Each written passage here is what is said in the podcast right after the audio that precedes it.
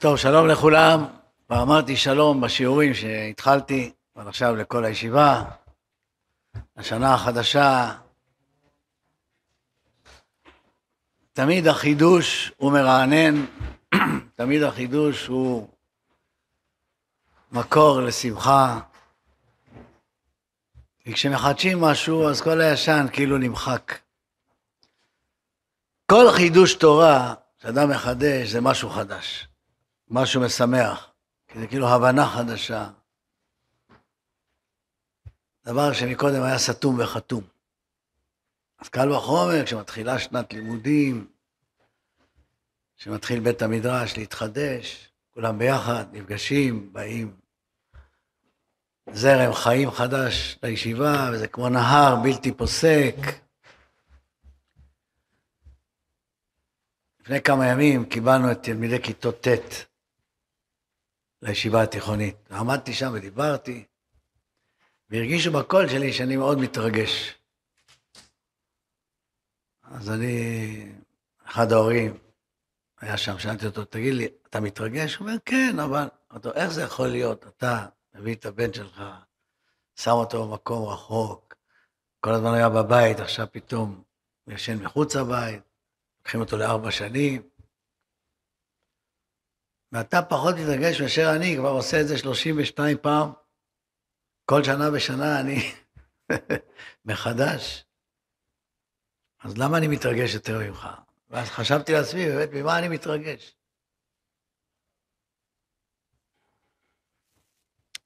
והתשובה שלי היא שאני מתרגש מקיום דבר השם, כי לא תשכח מפי זרעו. ההתרגשות שלי היא מזה שהנהר הזה של תורת השם עובר מדור לדור, שלא נפסק, כאילו שאנחנו שליחי הבורא, שליחי ההשגחה העליונה, שליחים של הקדוש ברוך הוא, להבטיח שדבריו יקוימו מדור לדור. ואז כאשר אתה רואה את הפנים החדשות, אתה מבין שלא תשכח מפי זרוע, אתה מבין שעם ישראל רוצה בהמוניו להתחבר, וזה גורם מאוד מרגש. אז לכיתות ט' זה יותר מרגש, כי זה תלמידים שכאילו באים מכל הארץ. פה זה עליית מדרגה. אז ברשות ראש הישיבה, הרב יצחק, ברשות הרמים, אה, מה שאני רוצה להדגים לכם בשיעור הזה, זה איך שאלה שהתעוררה באקראי, ככל שהיא הלכה והתפתחה, הביא אחריה הרבה ברכה. ומכאן סימן לכל אחד שכשיש לו שאלות, שלא ידחה אותן ושלא יוותר עליהן, אלא ישים אותן באיזשהו מקום. מדי פעם יחשוב עליהם, מדי פעם יערער בהם. ואז פתאום, ביום מן הימים, זה יתחיל לפתוח לו מקור חדש, שילך ויתפתח, ואז פתאום הוא רואה משהו גדול צמח. ואני אדגים לכם את זה. אתם זוכרים, לפני כמה זמן, חודש ימים, היה כנס של לטובת תלמידי הישיבה ולטובת אלה שיוצאים לגרעינים התורניים, נכון? איך קראתם לזה? הערב הזה? איך? צאתכם לשלום. אז היה גם צאתכם וגם כל מי שנמצא פה לשלום. שבטכם לשלום. זה מי שנמצא פה. ואז קמתי ודיברתי, ותוך כדי הדברים עלתה לי שאלה, שלא ידעתי לאן היא תתפתח. אז אני אשחזר את השאלה. היות והרב יצחק הטיל עליי לדבר גם אל, אל אלו שנשארים וגם אל אלו שעוזבים, אז צריך למצוא גמרא שמתייחסת לשניהם. ומצאתי. את הגמרא בסנהדרין בדף ס"ט עמוד ב', שמשבחת את הלומד תורה לשמה. בונה עולמות, פלטרית של מעלה, פלטרית של מטה, שים שלום למעלה, שים שלום למטה, מה? דברים עצומים. מגן על העולם כולו, מקרב את הגאולה. ומיד אחרי זה, כל המלמד את בן חברו תורה, אמר רבי אלעזר, נדמה לי, רבי אלעזר, בוא נראה, לא, יש לקיש. מעלה להם כתוב, כי לא עשאו. את הנפש אשר עשו בחרן. רבי אלעזר אמר, כאילו עשאן לדברי תורה. מה שהוא למד עד עכשיו לא היו עשויים. בא רבא ובכלל מפיל אותנו לקרשים. הוא אומר, כאילו עשאו לעצמו, מה, אני מלמד לפני שעשיתי את עצמי. אז הבאתי את הגמרא הזאת כדי להתחיל לדבר על מי שלומד וגם על מי שמלמד, מי שיוצא לגרעין התורני, עולה לך ללמד. תוך כדי שאני מדבר, התעוררה לי השאלה, ואז הרציתי אותה לפניכם, אבל בלי תשובה. אני פשוט מעביר אתכם את התהליך שאני עברתי. השאלה הייתה, איך יכול להיות? כשאדם מלמד את בן חברו כאילו עשה לעצמו, אבל עוד יותר חמור מזה, איך יכול להיות שאדם בונה את העולם כולו, משים שלום פעמליה של מעלה, פעמליה של מטה, לפני שהוא עשה את עצמו, לפני שהוא עשה לדברי תורה? אז לא הוא ולא הדברים שהוא למד, אין פה כלום, ופתאום הוא בונה את כל העולם כולו, איך זה יכול להיות? אני הצגתי את זה, אבל לא, לא עניתי על השאלה הזאת, כי גם לא הייתה לי תשובה. אחרי זמן, התנוצץ בי הרעיון. שמה? שכשאדם מלמד בן חברו, אז הוא לוקח אחריות. לוקח אחריות על בן חברו שהוא ילמד אותו נכון. כי הוא אחראי לעתיד שלו, מה שהוא מראה לו, זה מה שיהיה. שלא יהיה כמו יואב, שלמד במקום זכר עמלק, זכר עמלק. ברגע שאדם לוקח אחריות, אז הוא מתחיל לחשוב פעמיים ושלוש על כל מה שהוא אומר. ואז הוא מתחיל לשים לב אם זה נכון להגיד, לא נכון להגיד, מה תהיה התגובה, איך הוא יגיב על מה שאני אומר. ואז יכול להיות שהוא היה קודם כל, כשלמד בבית המקדש, היה מאוד קיצוני. לא אכפת לו. להיות כולו במקום אחד, להשאיר חלל במקום השני. ועכשיו שהוא מלמד, הוא אומר, רגע, רגע, אני אגיד לו ככה, הוא יהיה פתאום, אחר כך זה בגללי. אז הוא מתחיל להתמתן. או הפוך, הוא פשרן כזה, לא אכפת לו כך, לא אכפת לו כך, פתאום, מה, ככה הילד יצא, אני חייב לתת לו דחיפה, חייב לתת לו דגל, אז אני פתאום הופך להיות קיצוני, כן, זה כך, זה כך. כלומר, האדם משנה את דברי התורה שלו, ובסופו של דבר גם את עצמו, בעקבות האחריות שעכשיו הוא הולך לגדל את בן חברו. ובן חברו זה כמשל כל תלמיד שהולך לגדל. אם תשאלו אותי, אז תשוו אותי, מה שאני אומר היום, למה שאמרתי לפני 30 שנה, היום אני הרבה יותר מתון. נכון, הרב יצחק? כי נתקלתי מול מציאות שבה לא כולם יכולים להגיע לקיצוניות שבה אני נקטתי. איך אני אומר לרמים תמיד, אני רוצה שיגיעו לתפילה, אמרו לי, כמה אחוזים הרב משער ורוצה? אמרתי, מאה אחוז, שיגיעו בזמן. הוא, מה, מאה אחוז? אמרתי, כן. קצת קיצוני, לא? אבל גם היום אני אומר, אני רוצה מאה אחוז. מה ההבדל? במה התמתנתי? שאז שמעתי מאה אחוז, התכוונתי שיהיה מאה אחוז. היום אני יודע שאני אומר, אבל לא בטוח שזה יהיה מאה אחוז. אבל לפחות אני מציב את זה שלא, שלא יימחק. זאת אומרת, אני מבין שזה לא מאה אחוז, מאיפה זה בא.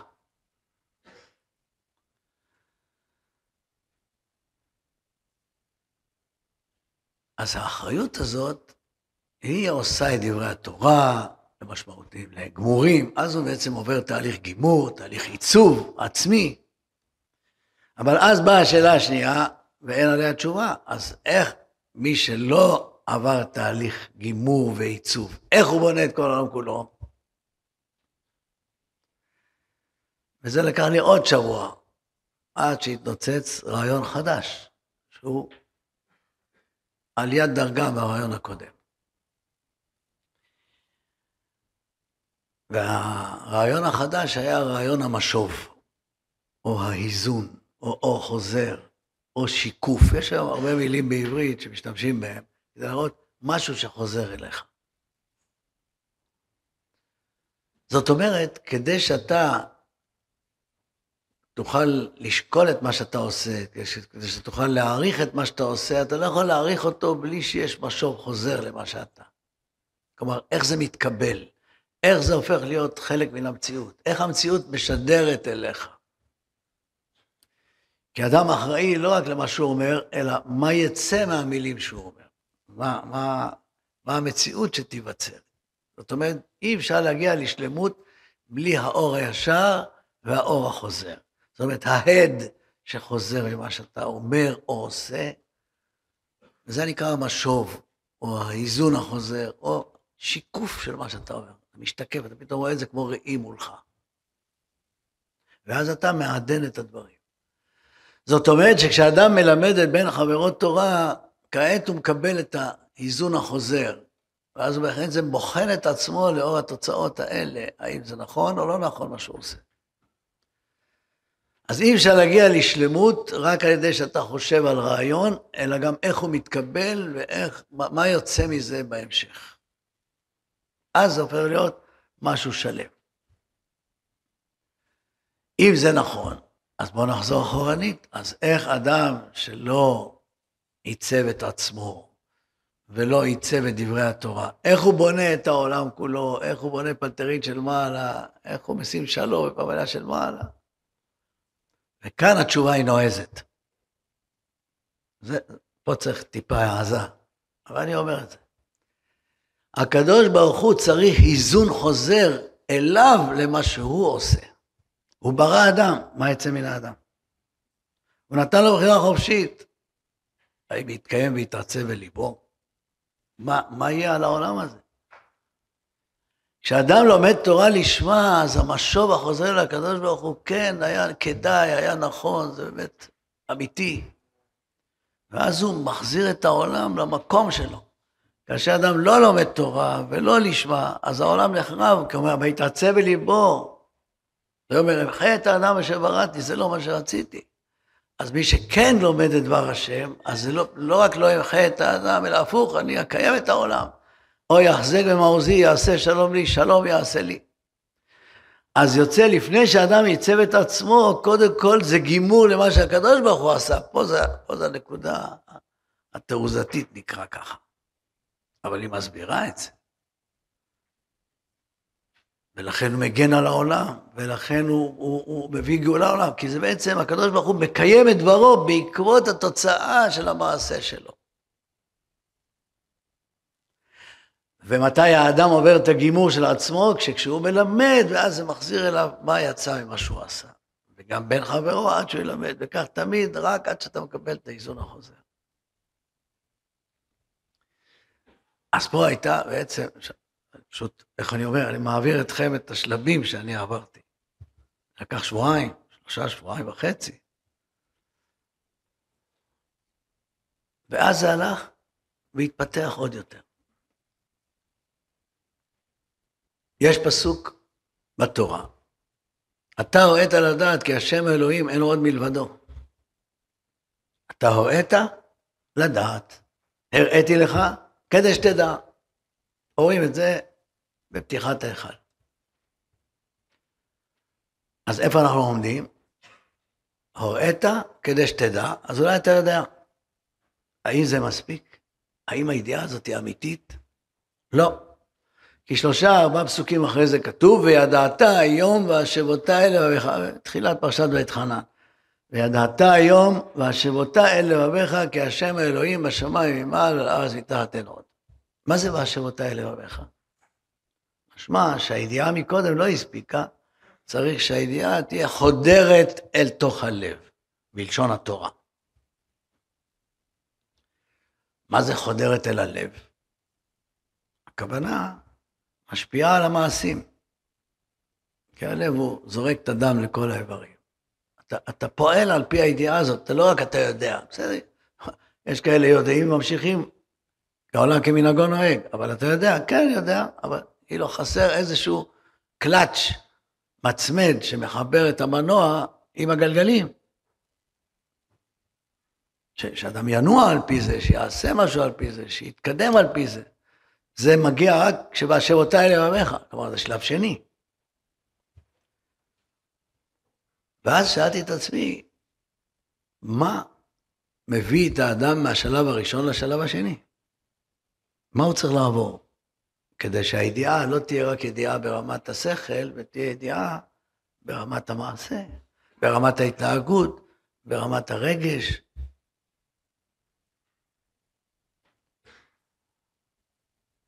ואז זה התחבר לי עם מה שאמרתי מקודם על המשוב. לקחתי את הרעיון של המשוב, עכשיו שמתי אותו פה. אמרתי, ואשר אותה אל אוהביך זה משוב חוזר. רעיון טוב? כן. יש לו הוכחה? לא. אז כשאין הוכחה, אני רק אומר. ואז מגיעה ההוכחה. זה היה בתפילת מנחה של שבת, בשבת שעברה. היום יום חמישי, מנחה של שבת. הרבנית כל הזמן אומרת לי שהחידושים מגיעים לי בתפילות, זאת אומרת, מתי אתה מכוון בתפילה? אמרתי לה, זה לא תלוי בי, זה בא אליי מבחוץ, אני לא יכול לעשות כלום.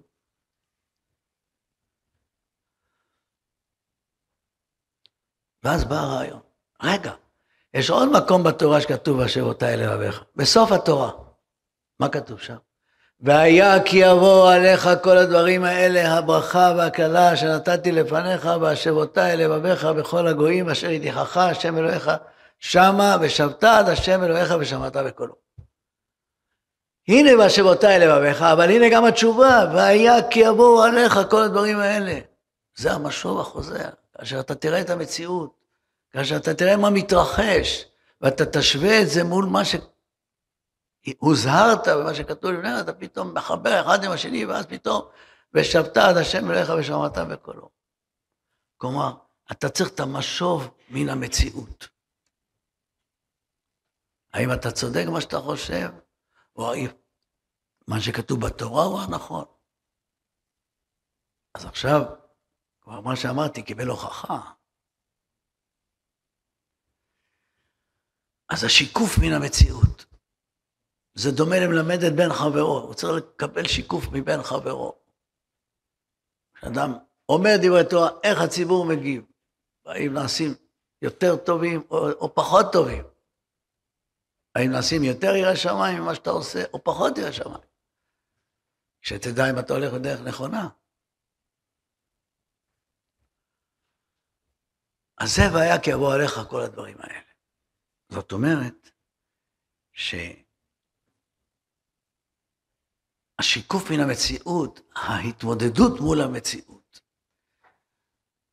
אדם לומד תורה, ואז הוא מתחתן, בונה בית, עובר לגור, הולך לעבוד, הולך ככה, כל מיני מקומות, הולך לצבא, פתאום הוא נפגש עם המציאות, הוא נפגש עם מה שעובר יום-יום, עם הקשיים, עם ההתמודדויות, עם השאלות, עם כל מיני התפתחויות מפתיעות, דברים שלפעמים קשים, לפעמים טובים.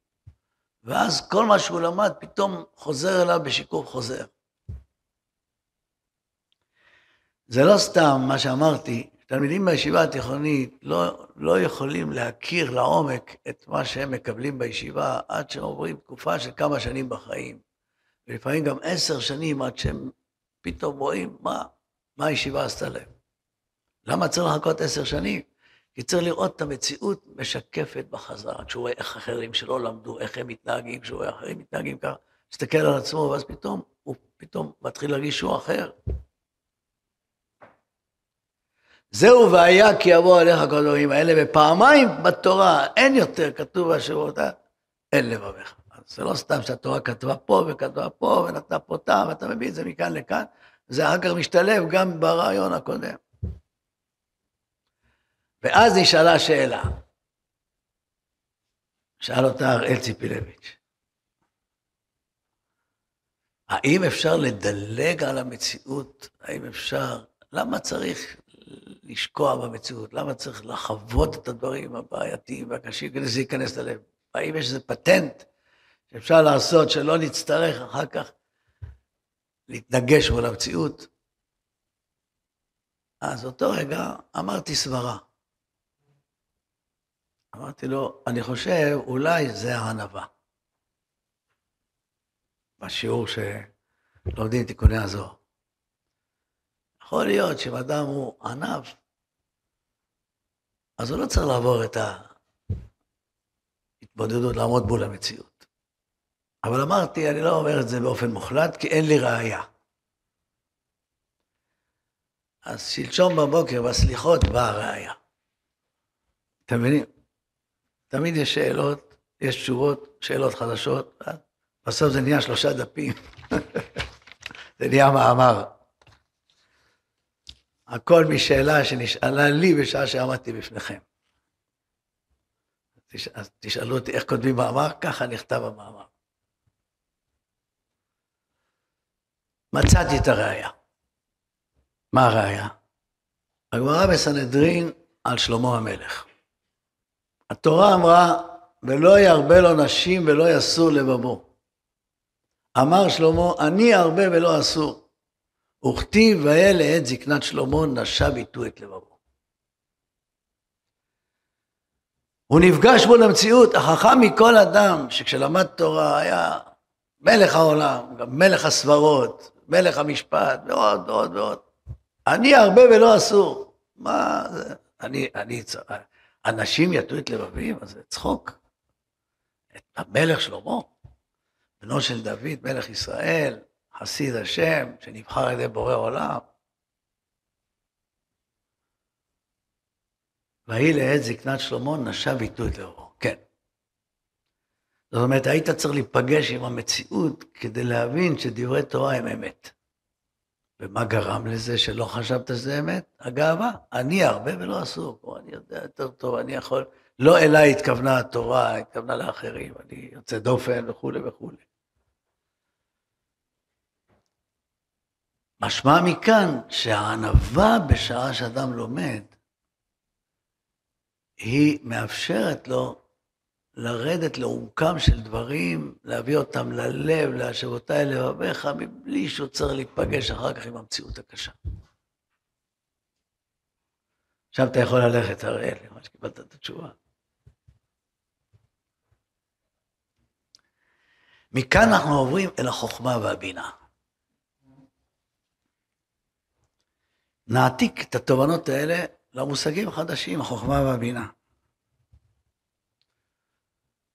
אמרנו תמיד שהחוכמה היא היכולת להכליל דברים, לתת להם כלל.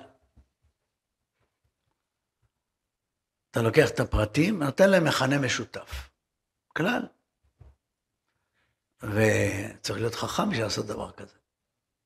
וזו שאלת הגמרא כל פעם, במאי קמי פלגי? מה המחלוקת? מה שורש המחלוקת? כלומר, מה הנקודה שסביבה אפשר לקשר את המחלוקת הזאת עם מחלוקות אחרות? כלומר, יש שורש שממנו אתה צומח. זו שאלת חוכמה, להגיע לזה. אחר כך, שאלת הבינה היא שאלה הפוכה. שמע אמינה, כמה שמע אמינה? תלת, שמע אמינה תמנה, יש בפרק עשירי בפסחים. שמונה דברים אתה לומד מתוך דבר אחד. זאת אומרת, אדם נבון מאוד כדי שמדבר אחד יוציא ממנו שמונה מסקנות שונות אחת מהשנייה.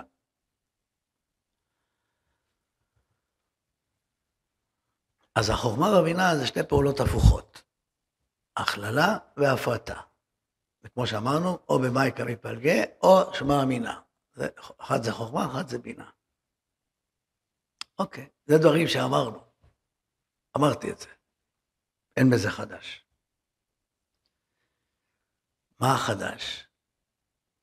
פתאום באתי ואמרתי, רגע, דיברנו על היזון חוזר ועל אור חוזר, אולי הבינה זה אור החוזר לחוכמה. מה זאת אומרת אור החוזר לחוכמה? הכוונה, כשאדם אומר דבר חכם, הוא צריך גם לדעת מה המסקנות שיצאו ממה שהוא אומר, כדי שהחוכמה שלו תהיה נכונה. מישהו יכול להשיג דברים אחרים. זה בדיוק מה שאמרנו, המלמדת בין חברות תורה. כלומר, בשעה שאתה מכליל, תחשוב גם על מסקנות חדשות שמישהו יוציא מדבריך, שהן לא בדיוק כמו שאתה חושב. אז תחשוב על הכללות, אולי קצת שונות. אז יוצא שהבינה, שהיא הסקת המסקנות, היא ההשתקפות של החוכמה שהיא הכלל. אז החוכמה לעולם לא תהיה שלמה עד שהבינה תסכים איתה.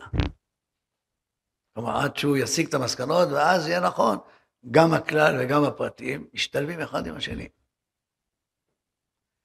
זאת אומרת, האור הישר הוא לעולם לא שלם עד שיהיה אור חוזר. שהוא בעצם מציג את האור הישר בשלמותו.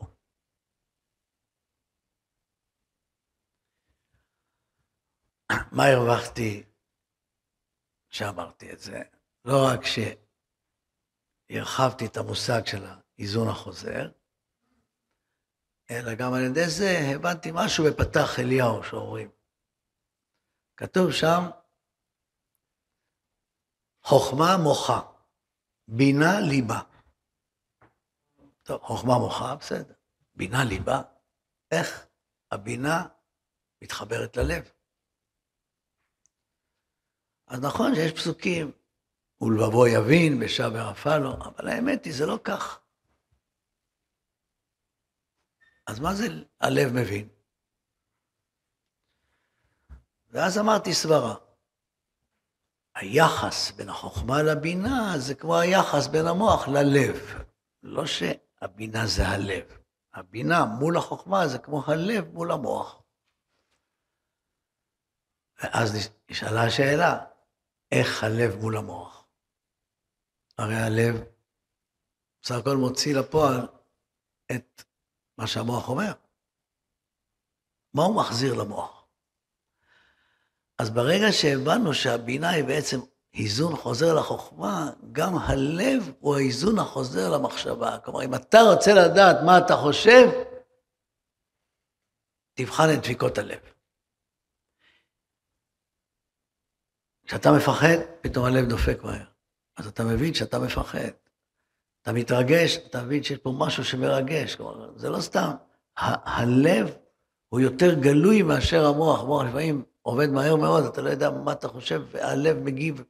דרך הלב אתה מבין מה אתה חושב. כלומר, באמת זה היזון חוזר למחשבה במוח. כלומר, אם אדם רוצה לדעת אם הוא חושב נכון, צריך לדעת איך הלב שלו מגיב. כי הלב הוא אמיתי. הוא לא מגיב על שקר.